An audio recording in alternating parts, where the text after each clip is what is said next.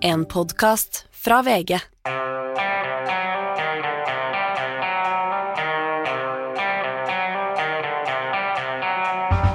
Ikke visste jeg at alle disse dagene som kom og gikk, de var selve uke ni. Eh, nok en tettpakket eh, nyhetsuke som vi delvis skal eh, oppsummere her i Gjever og gjengen. Det er sterk kritikk mot eh, Tonje Brenna under oppseiling i Stortinget. Donald Trump eh, seirer på alle fronter. Kongen er blitt syk i eh, Malaysia og i det hele tatt. Men den saken, Frøy, som virkelig har dominert uka i snakkeboblene, det er at Fremskrittspartiets ungdomsleder lagde en TikTok-video forrige helg som har beklaget innholdet i, i løpet av et døgn. Yes. Uh, han uh, kom med noen uttalelser knytta til uh, menn som sliter med å få seg damer, som han ja, har korrigert litt i ettertid, da. Det var ikke Han mente noe bitte litt annerledes enn det som folk oppfatta, i hvert fall. Men han har reist en debatt? Han har reist en debatt, det tror jeg vi trygt kan si. Og jeg er egentlig ganske begeistra for Simen Velle og det han får til, må jeg bare si. Det er lett å bli imponert i hvert fall over formen hans, også når han da noen mener han har gått for langt, så håndterer han det ganske elegant. Ja, altså for Det første så, det er jo ikke, noe, det er ikke gitt at ungdomspolitikere engasjerer ungdom. Eh, det er ingen selvfølge, men det gjør han jo. Og så klarer han å provosere frem en politisk debatt som ikke bare skjer på TikTok sånn utenfor eh, voksnes rekkevidde, men han klarer virkelig å skape en debatt. Og så og dette er jo en ting som vi, vi vet at en del influensere ikke er så gode på. Det er liksom det å ta imot kritikk og svare på kritikken, og til og med justere seg. Da. Så jeg syns at han er et ganske godt forbilde, altså. altså. Det betyr jo ikke at jeg er enig med han i alt han sier, det er ganske mye av det han sier som jeg, jeg har noen innvendinger til, da, kan man si. Men at man har unge politikere som klarer å skape den type engasjement, det er jo helt eh, Altså, man kan ikke be om noe mer, tenker jeg. Og så er det en del ting du også er enig med meg i, er det ikke det? Som du skriver om til i morgen? Jo, jeg har skrevet uh, litt om det. For det første, jeg skriver jo mest om at jeg bare heier på han, egentlig. Fordi han er en ungdomspolitiker som klarer å vekke liv i unge gutter, da. Um, men uh, han har rett i at uh, de unge guttenes perspektiv ikke alltid blir løfta fram. Og det er jo det jeg syns er så bra at han gjør. det. Han snakker jo guttas sak. Um, og jeg har jo tenåringsgutter uh, sjøl, og det er jo noen litt sånn ja, det er mye energi, det er mye kraft, og det å skulle prøve å temme noen litt sånn ville mustanger, det er jo liksom ikke alltid så Det blir jo litt sånn krasj med samfunnet, da. Og sånn, sånn er det jo med ungdom, da. Um, så jeg tror jo at han har noen uh, poenger som, uh, som han er ganske god til å løfte fram. Så må man også si, Hanne, dette engasjerer jo langt utenfor ungdommen. Jeg tror det er det vi har snakka mest om på morgenmøtene i eh, kommentaravdelingen denne uka? Ja, det er veldig gøy. Og på morgenmøtet i dag så ble det også en del sånn eh, mimring blant gutta om gamle dagers sjekking, hvor de var litt uenige om var det lettere eller vanskeligere for gutta å få seg noe i gamle dager. Ja, Hva tenker den, du, Anders? Ja, Der vil jeg si at jeg har holdt meg utenfor den diskusjonen. Etter at jeg ble beskyldt for stalking da jeg snakket om hvordan det var i, i min tid tidligere her i uka i Gjevergjengen. Det har ikke en mann i, i, min alder og posisjon råd til å ha hengende på seg. Ja, det, det skjønner jeg godt, Anders. uh, Astrid, synspunkter på debatten? Ja, jeg, jeg har lagt merke til at vi i Gjever-gjengen er ganske enige om at Simen Velle og, og FPU er ganske gode god da, og det er jeg enig i, men jeg lurer på litt, kanskje vi er i utakt med ungdommen? Da begynte jeg å lure litt på, for på TikTok og sånn så ser jeg at det er ganske mange som latterliggjør Simen Velle og at det fra venstresida er en ganske sånn eh, ja, litt sånn humoristisk og artig respons, fordi at han han blåser jo litt i hundefleita da, vet du. Han sier noe, så Å nei, det var ikke det jeg mente. Og så får han den debatten han vil, og så får han venstresida til å se sur ut. Eh, det er jo en god oppskrift som mange har prøvd i FRP tidligere. Eh, så, så jeg lurer litt på hva ungdommen egentlig syns, da. Men hva tror du om det, Frøy, nettopp det at han bruker den taktikken som vi kjenner, ikke minst fra, fra Fremskrittspartiet tidligere, at du, du, går litt langt og så trekker du deg litt tilbake, men det er viktig å reise debatten? Jo da, det er jo, det er jo kjent. Og så tenker jeg det er klart, Når jeg som 45 år gammel dame blir litt begeistra for han, det er jo sikkert det absolutt siste han vil. Det er jo en sånn klam omfavnelse som Si ikke det. Du har ikke vært ung gutt, så det vet du ikke noe om. Nei, jeg tenker jo at når vi begynner å synes han er en ganske kul fyr, så da er det kanskje tida begynner kanskje å bli Kanskje stjernestatusen hans begynner nok å falme litt av, da. Men de får nå bare ta seg sammen, de andre politikerne, da. Det er jo, man trenger jo ikke å ja, det er jo potensial for at noen andre ungdomspolitikere kan ta en posisjon på den andre sida, da. Så de får jo bare gjøre jobben sin sjøl, tenker jeg. Og så er det interessant å se hvordan det er høyresida, både Simen Velle og uh, Unge Høyre-leder Ola Svenneby, som har dominert TikTok lenge, og nå har jo AUF for eksempel hatt veldig selvkritikk på at de har ikke vært gode nok, de bør gå mer inn på TikTok, de hadde holdt seg unna, sånn at uh, de gutta har vært veldig flinke. Ja. Ja, men nå var det noe Fellesforbundet eller et eller annet sånt som gjorde det så bra på TikTok, sa jeg da. Så nå var det von i hangende snøre for Alt kan trende på TikTok, altså, så man skal ikke ta det for god fisk eller Men jeg tenker jo at venstresida har en jobb å gjøre her, for det, det, kan jo være et skikkelig bra venstresidestandpunkt og snakke om klasse, løfte gutta fra eh, skoletaperposisjon, liksom hjelpe de sårbare. Det burde jo gå an for venstresida å ta noen posisjoner, og jeg prøvde å undersøke litt det her med kjønnspolarisering det siste. Og de unge guttene i Norge, vet du hva de er for noe?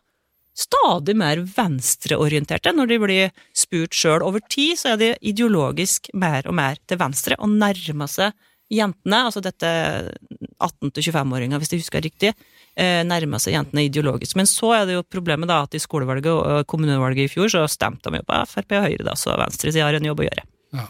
Og det er litt rare de tallene da, når de går til venstre, men stemmer til høyre. på høyre. Ja, det Ja, nettopp. Det kan jo være at eh, det at du rapporterer sjøl hva du står an ideologisk, er noe annet enn å stemme ved valg. Det kan reflektere at f.eks. Arbeiderpartiet eh, har en dårlig ledelse, gjør et dårlig inntrykk, eh, blant annet på TikTok.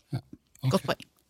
Ja, nei, eh, det blir spennende å se. Det får vi vite mer om ved neste valg, og det er jo ikke før om halvannet år. Da har det kommet en helt ny, eh, noen nye årskull til. Ja, får se hva de gjør. Ja. Det er eh, 1. mars, og med det så erklærer vi at eh, årets Trump-sesong er i gang for eh, alvor. Vi har snakket om han eh, allerede, men mer skal vi snakke om ham fremover. Han er altså nå den suverene eh, kandidaten for eh, republikanerne til å eh, stille opp i presidentvalget.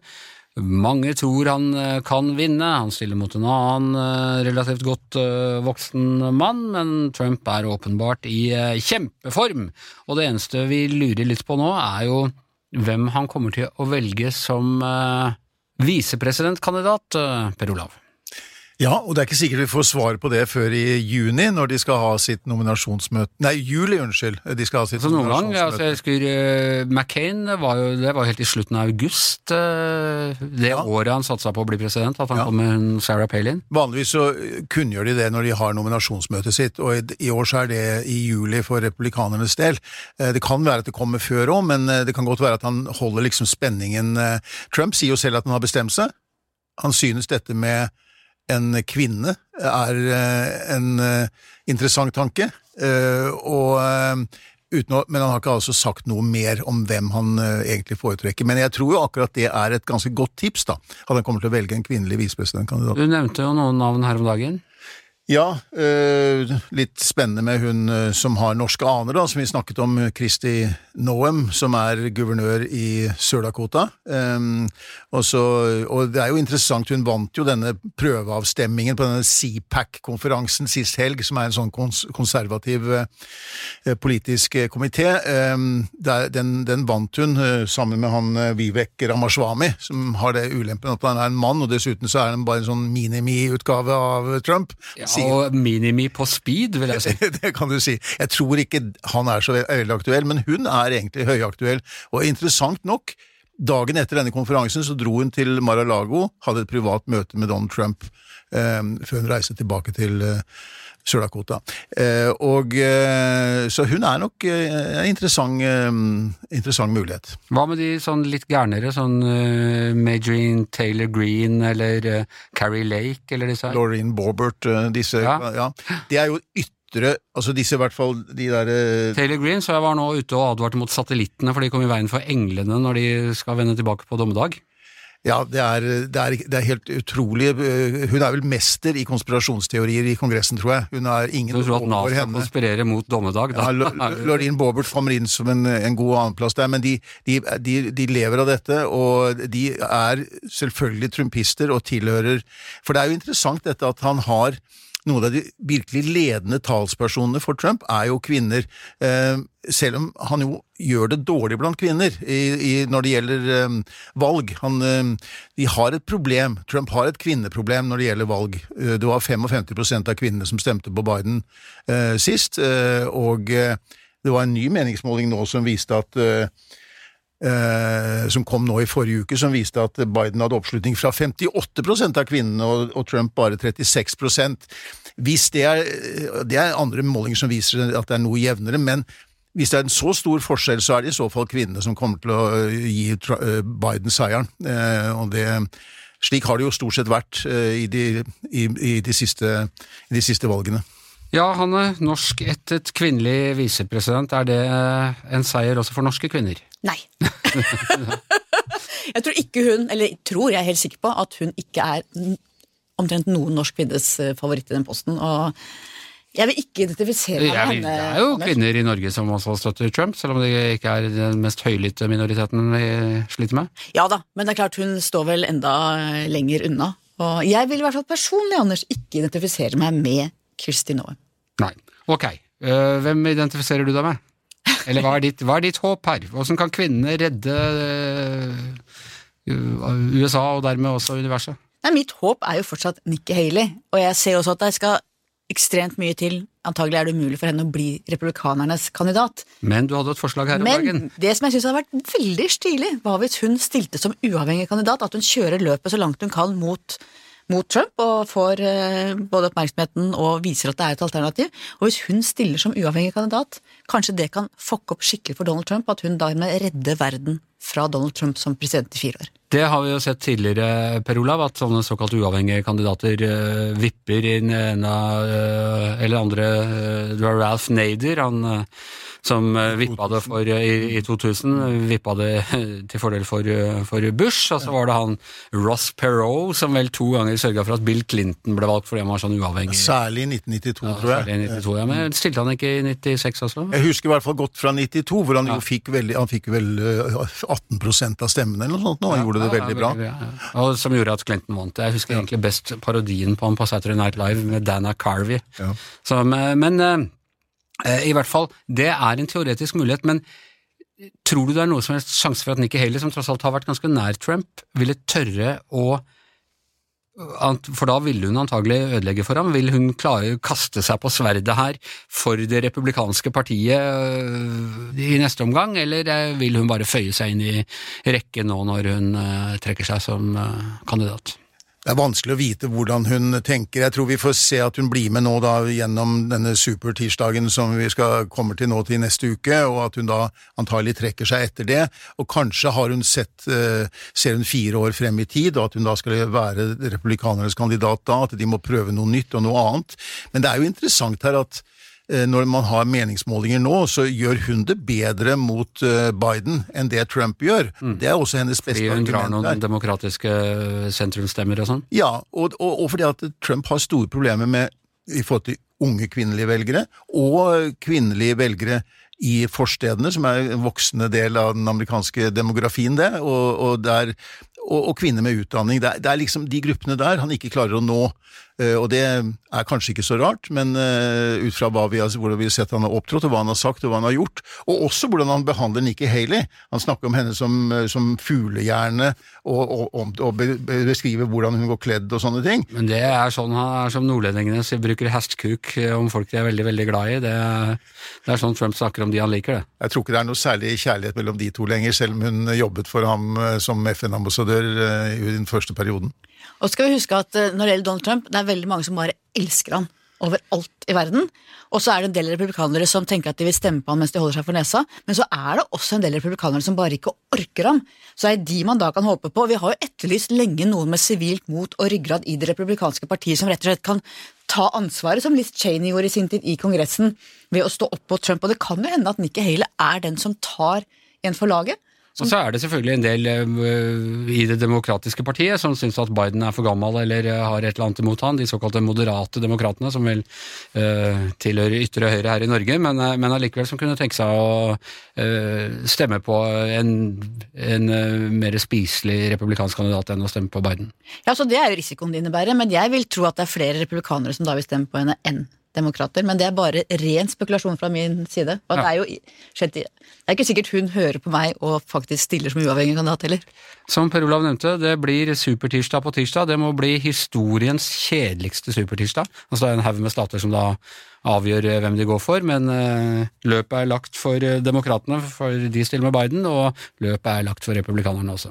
Jeg, jeg, kan ikke huske sist det var så lite spenning foran det som Er det noe spenning i det hele tatt? Er det en eller annen utbryterstat som kunne tenke seg å finne på noe tøys? Nei, jeg, jeg har, tror ikke det. Altså Når ikke Haley klarte å vinne i sin egen hjemstat i South Carolina, så tror jeg ikke det er noe som tyder på at hun kan uh, Free State of Maine, et eller annet. Men vi skal allikevel ikke glemme at hun altså uh, blir en god Hun er, hun er nummer to, men hun er en god nummer to i mange av disse valgene. Hun uh, fikk 40% i South Carolina, hun fikk nesten det i Ja, ja hun fikk 40% i sin egen hjemstat. Jeg det er en god nummer to, altså. Men det er, det er et uttrykk for at det er ikke slik at alle republikanere støtter opp om henne, og at han har et problem også i forhold til en del uavhengige velgere, eh, Donald Trump. Så hun er en, et, en indikator på det. Mm. Eh, men når vi nevner disse, med disse kvinnene, så vil jeg nok også trekke fram en annen som jeg kanskje tror, har vel så stor tro på. Det er hun Elise Stefanik, som er kongressrepresentant fra New York, fordi hun er, hun er også den yngste av de, hun er bare 39 år, og hun var egentlig kjent som en ganske moderat republikaner, det var slik hun ble valgt i New York. Hun er blitt veldig en del av Trumps leir nå, og er ofte et talerør for ham. Det var hun som satte disse universitetsprofessorene på plass i den høringen i Kongressen som handlet om antisemittisme, fikk stor oppmerksomhet for det. Og hun er en virkelig stigende stjerne i Det republikanske parti, og kan godt tenkes å være appellere eh, til eh, en del kvinner som er usikre på om de vil støtte Trump. Det er klart, det som kanskje blir mest spennende på Super Tuesday, er om det er mange som stemmer blankt i valget av Joe Biden. Vi så i Michigan at da var det jo 100 000 eller eh, amerikanere med arabisk bakgrunn som ikke vil ha Biden, og som dermed demonstrerer ved å stemme blankt i det primærvalget. Så det er en interessant måling i forhold til det. Ja, Men kjedelig supertirsdag blir det. Heldigvis er det mye annet som er spennende med denne valgkampen og dette valget. Ja, helt over grensen til det skjebnesvangre, vil jeg si. Da skal vi til en eh, annen, mer, litt mer dramatisk. Eller hvor dramatisk har det egentlig vært at uh, kongen ble syk på ferie i Malaysia, Yngve? Det er jo dramatisk eh, på flere plan, vil jeg si. Det er jo dramatisk at statsoverhodet vårt blir syk i utlandet, og såpass syk at han må legges inn på et sykehus for behandling og overvåkning. Eh, jeg syns den saken har kommet inn i en ny fase nå, når eh, Forsvaret og UD har tatt affære, sender nedover et avansert Medevak-fly, som er i praksis en flyvende operasjonsstue, som er beregna for evakuering og henting av personer i, i veldig utsatte situasjoner. Jeg syns det har gjort at uh, informasjonsflyten har kommet litt uh, dårlig ut. Jeg synes vi Det er ikke det at norske folk har krav på å vite kongens epikrise i detalj, men sånn som det er blitt nå, så mener jeg at vi har krav på å Eller vi trenger å få vite mer om hvor alvorlig den situasjonen er. Ja, og Hva vet vi sånn helt konkret? Vi vet ikke noe annet enn eh, at det er en ikke nærmere angitt uh, betennelse eller infeksjon. Da. Et eller annet sted i den kongelige kropp. Uh, nå har han jo også vært tidligere vært uh, behandla og innlagt for, for også, også type pustebesvær som er knytta til informasjon i ja, respirative organer, da, altså som da alt fra covid til influensa. Eh, det er klart det er en lavere terskel for innleggelse av en person som er i såpass høy alder og en er også høy, såpass høy posisjon. Det er klart. Det som er litt rart, altså jeg husker nå, nå er det nærmere 20 år siden så hadde han jo noen problemer, han hadde blod i urinen. Ja da. Uh, og dette var det full offentlighet om. Jeg husker Roar Hagens tegning og Det er det som er så rart, for at i 2003 da han ble kreftoperert, så fikk vi vite ikke bare at den var sjuk, men at det var ganske alvorlig, og at det var også en eh, hva slags kreftdiagnose det var. da. Eh, I 2005 ble han jo hjerteoperert og fikk en satt inn en sånn kunstig hjerteklaff, som da ble tatt ut og erstatta med en ny en i 2020.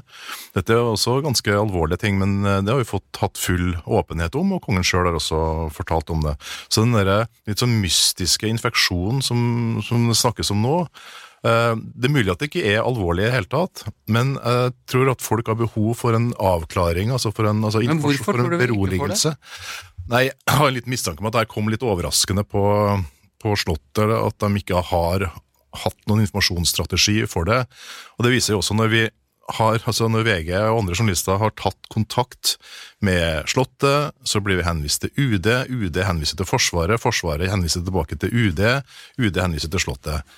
Eh, Så, og det er ingen som egentlig eh, ønsker å si noe, vil si noe, og dermed så starter spekulasjonen. ikke sant? Hvor alvorlig dette er, hvor alvorlig er det når det sendes et såpass avansert fly ned til Malaysia for å hente kongen hjem? Er det noe håp om at vi får vite det snart, tror du? Tror du det Det- liksom når han kommer hjem at dette har noe med at de vil at norske, eller et norsk sykehus skal eh, se på ham og sånn? Nå er jo kongens livlege Bjørn Benst der nede. Han er jo spesialist da på hjerte og lunge, overlege på Rikshospitalet. Eh, Så jeg vil jo tro at han er i stand til å stille en, eh, en god diagnose. Eh, som sagt, det er, ikke det er ikke noe presserende i og for seg akkurat nå, men uh, jeg tror at vi bør på et eller annet tidspunkt få vite hvor alvorlig det her er. Og, og det er for å si litt sånn høystemt. altså uh, Monarken, kongen, når han, er, han er vårt statsoverhode, og statsoverhodets helbred har konstitusjonelle konsekvenser, så det, derfor må vi få vite noe om det.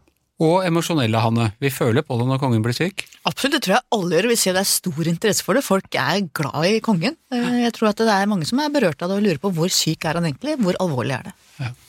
Vi får håpe at vi får noen eh, klarere svar på det, og at de svarene er eh, positive. Det er en rekke kompliserte politiske saker som svever rundt i den politiske sfæren akkurat nå. Det er, eh, det er eh, skumles om at eh, justisminister Mehl har feilinformert Stortinget. Veldig, veldig alvorlig. Kan ikke bli mer alvorlig for en, en statsråd. Det er, vi skal etterpå snakke om noe umatrikulert jord i Finnmark, og hvem som har råderetten over den.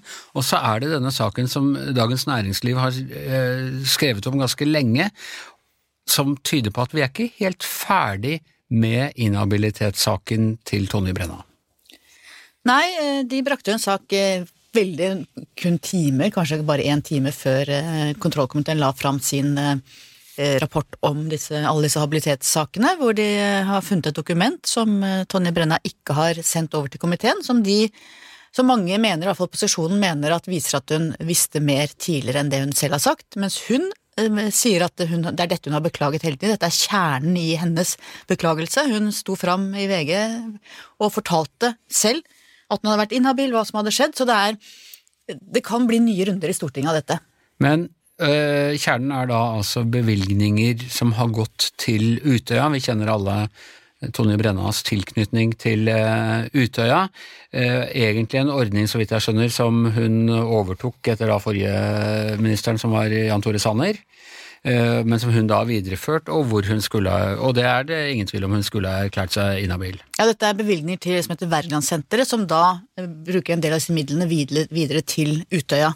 Eh, Og det det handler om er hvorvidt da dette skrivet som kom på hennes pult tidligere enn det hun selv har opplyst, om det er et nytt moment, eller om det faktisk er en del av det samme komplekset som hun selv mener at hun har redegjort godt for hele veien. Og det er klart, som du og jeg har snakka litt om, Anders, det er jo litt sånn emosjonelt vondt at hun får så mye kjør for forholdet til Utøya, hvor vi vet hva hun opplevde der, og hvordan hun sto i det både under selve terrorangrepet, eh, på Sundvolden natta etter og i tiden etterpå. Det betyr ikke at man ikke skal kritisere inhabiliteten, for det er klart at hun har gjort feil der, men sånn, eh, det er litt umusikalsk kanskje av opposisjonen å kjøre så hardt videre på det, særlig for at det Høyre og Frp ville, ta, gi, de ville forsterke kritikken mot henne til det som heter sterk kritikk. Altså Kontrollkomiteen kan komme til enten at noe er alvorlig, at det er kritikkverdig, at det er sterkt kritikkverdig, eller ren mistillit.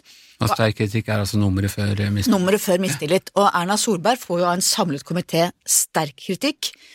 Eh, Mens både Høyre og Frp vil at Tonje Brenna også skal få sterk kritikk. Og jeg må si for egen del at det å si at de to sakene er like alvorlige, det er veldig rart. Erna Solberg har vært notorisk inhabil, eh, for å bruke Rødt-politikerens ord, det er ikke så ofte jeg gjør det, i åtte år som statsminister, mens dette er en, en feil som også er alvorlig med inhabilitet, men det kan allikevel, men jeg ikke måle seg med Erna Solbergs situasjon. Men er feilen først og fremst at dette dokumentet også burde vært med i det som ble overlevert til kontrollkomiteen? Ja.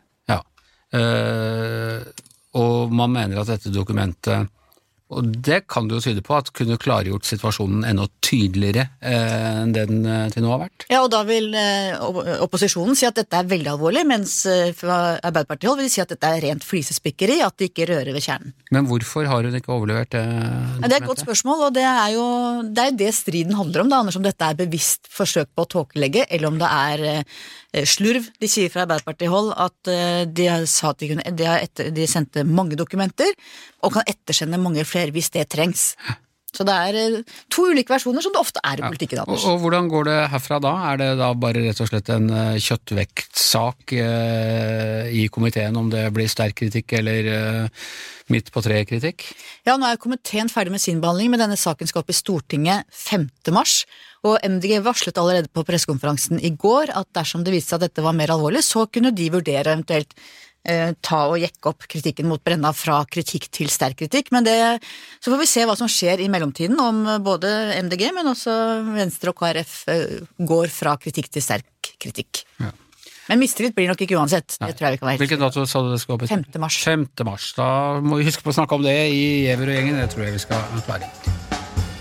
Eh, Komplisert sak nummer to. Eh, Høyesterett eh, starta denne uken eh, behandlingen av eiendomsretten til alt i areal i Karasjok kommune som ikke er i privat eie.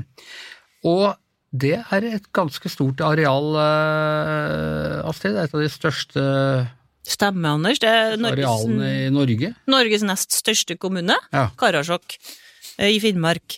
Det I flatinnhold. Eh, Ikke Ikke spør så vanskelig, da. Det er nesten ingen private eiendomsrett i Finnmark. Det meste har tilhørt eh, Statskog i i sin tid. Nå tilhører det noe som heter Finnmarkseiendommen. Eh, og i fjor så mista Finnmarkseiendommen eiendomsretten i Karasjok etter en rettssak i Utmarksdomstolen. Karasjoks innbyggere skal nå eie Karasjok. Men det ble anka. Finnmarkseiendommen har ikke lyst til å gi slipp på den store kommunen der, med inntekter både fra jakt og fiske og andre naturressurser. Um, folk i Finnmark leier til med tomta si eh, vanligvis, for det er så Hvem er Finnmarkseiendommen? Er det Lex Luthor, liksom? det er Lex Luthor, ja. Nei da. Det er en um, Det er alle finnmarkinger, liksom. Det er ikke staten lenger, sånn som det var før Statskog. Nå er det en um, Fylkeskommunen? Nei, nei, det er en, det er en uh, eiendoms, et eiendomsorgan som Ja. eier Finnmark. De eier nesten hele Finnmark. Og hvem utpeker eh, styret og Ja, Det er òg en kranglesak, men skal vi gå inn på det? Det er Sametinget som har eh, representanter, så er det fylkeskommunen som har representanter, og det er masse strid i den eh, Finnmarkseiendommen sitt styre òg. Men altså, historisk sett så var det altså sånn at samer ikke fikk eie grunn i Finnmark, for det var bare staten som fikk lov til det. Var en del av fornorskningspolitikken. Eh, Og så må man jo rydde opp i Finnmark, akkurat som man har gjort tidligere sør, sørafor, ikke sant, i Trollheimen og i Utmarka. Det er masse rettssaker vært tradisjonelt, eller historisk der òg, 80-tallet og sånn. Og nå driver de altså på i Finnmark, fordi etter mm, at vi fikk Finnmarksloven, så ble det nedsatt en Finnmarkskommisjon som utreda det her, da, så ser de på det historisk. Hva er det egentlig som har vært overherredømme her i de forskjellige kommunene i Finnmark? Er det staten som har vært der siden 1700-tallet, eller er det egentlig samisk grunn, eller innbyggerne sin grunn?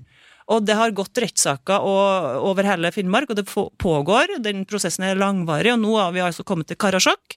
Og det er akkurat som forventa at det blir døm, eh, anka helt opp til Høyesterett. De driver på i åtte dager nå, storkammer, og skal finne ut av det her, da. Hvem er det som eier Karasjok?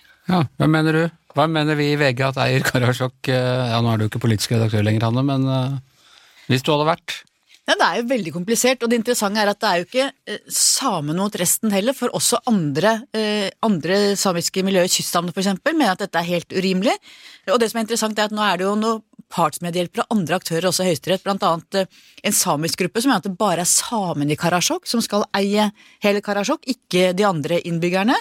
Eh, og noen mener også at det er veldig urimelig at, at da Karasjok-innbyggeren både skal ha ene eiendomsrett over Karasjok, men de får fortsatt ha eh, tilgang på allmenningen på alt det andre resten av Finnmark, mens resten av Finnmark ikke får lov til å være i Karasjok lenger, men bare skal ha tilgang på sanke, fiske, beite osv. i resten av Finnmark. Så det er også store motsetninger mellom ulike samiske grupperinger her, så det er, en ganske vond sak egentlig, Astrid, er det ikke det? Jo. Eh, og som du sier, Hanne, eh, Nordkalottfolket de har skrevet en kronikk i VG som alle kan gå inn og lese, der de sier at eh, Finnmarkseiendommen bør fortsette å eie det her. Eh, eh, de representerer mm, kanskje i større grad sjøsamer og folk som bor i vest i Finnmark, som har blitt eh, utsatt for mer fornorsking, og det, der, det var òg mer norsk overherredømme, så de generelt så taper de i de her rettssakene som har pågått. Altså folk i kommuner i Vest-Finnmark de får ikke eiendomsrett til kommunene sine. Og så kommer vi lenger inn i nå, ikke sant, beveger oss mot i Øst-Finnmark, Indre Finnmark. Vanskelig forhold eh, topografisk. Den norske stat har rett og slett ikke kommet fram. Det har liksom bodd veldig få nordmenn inn i Indre Finnmark. Har egentlig ikke hatt overherredømme, er liksom argumentasjon. Var bare en prest og en handelsmann, resten var samisk. Eh, Og nå skal de da ta Karasjok, og så skal de ta neste omgang Kautokeino, og så skal de ta Tana. Og her har altså det samiske overherredømmet vært slik det ble tolka av Finnmarkskommisjonen, eh, historisk veldig sterkt, og derfor vinner de i større grad. Nå er det jo ikke avgjort ennå, da, men hvis Finnmarkseiendommen taper, så taper de altså 30 av eh, arealet sitt i Finnmark, i, i, i verste fall da, for Finnmarkseiendommen, så de, de vil gjerne beholde det her, da. Har dette sikkerhetspolitiske konsekvenser, eller er det, spiller sikkerhetspolitikk inn her nå? Fordi eh, spenningen er jo litt annerledes nå enn den var for noen år siden. Jeg tenker at det, eh, det mest det vanskeligste er at vi får splittelse, som Hanne snakka om. At eh, befolkninga i Finnmark eh, føler at enkelte samiske grupperinger kanskje får eiendomsrett som andre samiske grupperinger ikke får. Og dessuten hva med kvenene, som er en annen gruppering, som òg har bodd i Karasjok og i andre kommuner. Hva med de? Skal ikke de få eiendomsrett til kommunen sin? Og hva med nordmenn som har bodd der i generasjoner? Um, så ja, det er litt uh, Men jeg tror òg ganske mange folk i Finnmark syns det er helt greit å ikke engasjere seg så masse, og syns det er greit å ha det sånn som i dag, eller de syns det er greit med den løsninga som kan bli, så det er liksom ikke nødvendigvis at det er så stor splittelse heller, men ja, det er en del krangling ikke sant, med, med Sametinget har jo tatt parti, og så har jo Støre-regjeringa ty tydeligvis òg tatt parti. Det har vakt stor irritasjon i Sagat, den samiske avisa, som skriver på lederplass at de burde aldri blande seg, fordi Justisdepartementet har sendt et brev til Høyesterett der det liksom antyda at det bør bli sånn som i dag, hvis man tolker brevet med litt eh, konspiratoriske øyne. Og så har det altså vært to tilsvarende, eh, men mye mindre saker oppe tidligere, både forvaltning av et område i Nesseby og i Stjerne, Stjerneøya. Og der vant staten i begge sakene. Jeg vet ikke om det kan skape noen presedens for den saken, men det er i hvert fall interessant å merke seg. Ja, ja. Fefo og Finnmarkseiendommen anka hver eneste sak de tappa, og de har jo Finnmarkseiendommen. De, de har vært fram, da. Men det er jo sør- kontrollerer halve Norge. Det, det, det, det, er liksom, det er jo litt interessant å se på der, for det går altså tilbake til 1751. Da var Karasjok svensk, Svarte norsk. Spørsmålet, det de diskuterer overordnet, er hvor masse har staten, den norske staten, vært her i Karasjok? Har de egentlig bare vært her med en prest og en uh, klokker, eller var de liksom, hadde de overmakta? Og det er de uenige om. Men det er vel ikke tvil om at dersom Høyesterett konkluderer med at det skal være som det er i dag, så vil det være mindre splittende enn hvis de konkluderer med at Karasjok skal få disse 30% av Finnmark. Nei, det tror jeg ikke nødvendigvis, da, fordi at Karasjok sin befolkning, Karasjok kommune, som vant saken i første omgang, de syns at det her er en eh, Endelig skal liksom retten, uh, fornorskningspolitikken, 100 år med overgrep, eh, skal gjøres opp for, og prinsipielt sett er det riktig at de eier det her, fordi at det er de som har vært der, og den norske stat har aldri hatt noe overherredømme der, vil de si.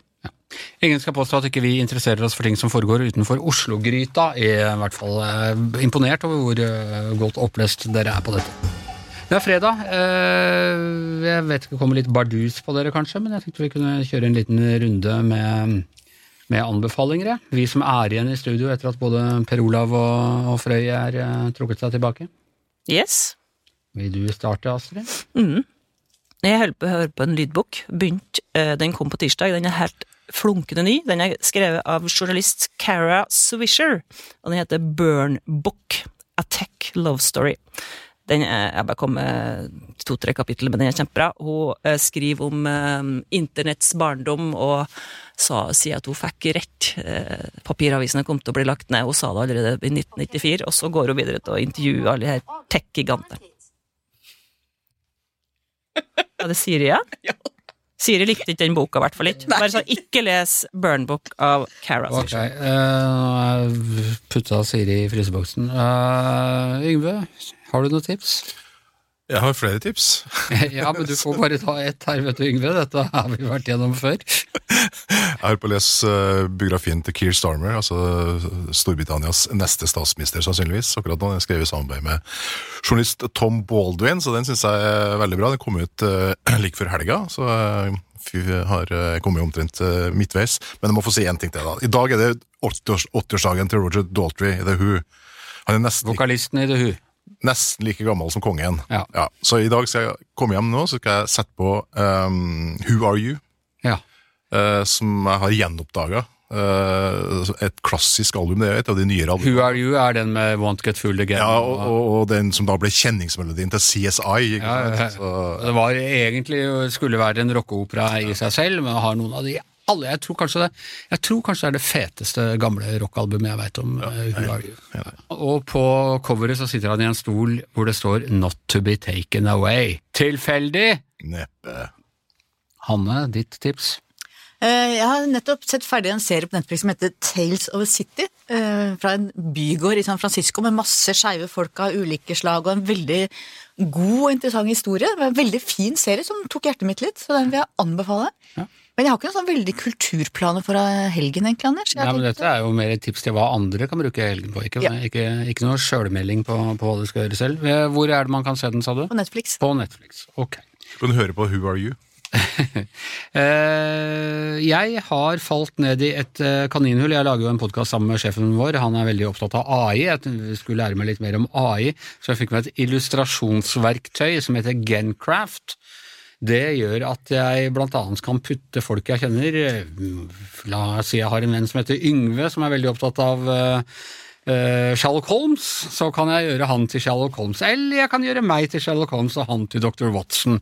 eh, I de klassiske illustrasjonene fra Sherlock Holmes-bøkene. Liksom. Det er så hektende at jeg har ikke vært så hekta på noe sånt siden jeg spilte Wolfenstein på begynnelsen av 90-tallet. Og det er akkurat den samme greia. Nå må jeg legge meg til å sove. Nei, jeg lager en til! Jeg lager en til. Og jeg har fått en av deg, Anders. Det er to, faktisk. Ja, jeg har en laget ung og en eh, litt eldre versjon. Ja, og en sånn litt mer karikatur, og en hvor du Ja. går på en strand og Hva kosta det her, Anders? Eh, Du, den kosta 59 kroner. i uka. 59 kroner i uka, men det har også et tilbud nå på bare 100 og noe for hele måneden, så jeg fleska til. uh, og jeg gjør, altså jeg sitter på trikken og jeg gjør det, og jeg gjør det overalt. Det er, eh, jeg skjønner at jeg må gå cold turkey på et eller annet eh, tidspunkt, men eh, det skjer ikke ennå. Siden jeg også nevnte Gard, vi har jo altså mediebobler som kommer med ny utgave i morgen. Da skal vi ha om Vi er jo glad i beefer, altså konflikter mellom forskjellige folk i medieverdenen, medieverden. I morgen så har vi en intern beef her fra dette huset. Det er selveste Astrid Mæland, som skrev en kommentar som eh, het Vi kan ikke stole på influensere, og fikk svært tydelig svar, vil jeg si, fra Vilde Darvik, som er kreativ leder i Max Social, som også holder til eh, eh, her på huset, som har vært eid av VG tidligere, men nå er eid av Skipsted, og hun skrev en kronikk som het eh, 'Hvorfor hater journalister influensere?' og da kalte hun eh, kronikken din en suppe av argumentasjon eller et eller annet sånt. Men jeg tror det var Bolabess, verdens beste suppe. ok. I hvert fall, dere møtes i studio eh, her i morgen for å snakke om det, så det må dere høre på. Gratis og tilgjengelig på absolutt alle plattformer. Og med det så er Giæver og gjengen over for i dag. Takk til Frøy Gulbrandsen, Per Olav Ødegaard, Hanne Skartveit, Yngve Kvistad, Astrid Mæland. Jeg heter Anders Giæver, og mannen som sørger for at vi beefene ikke går over i fysisk håndgemeng i dette studioet, er som alltid vår produsent Magne Antonsen. Du har hørt en podkast fra VG. Ansvarlig redaktør, Gard Steiro.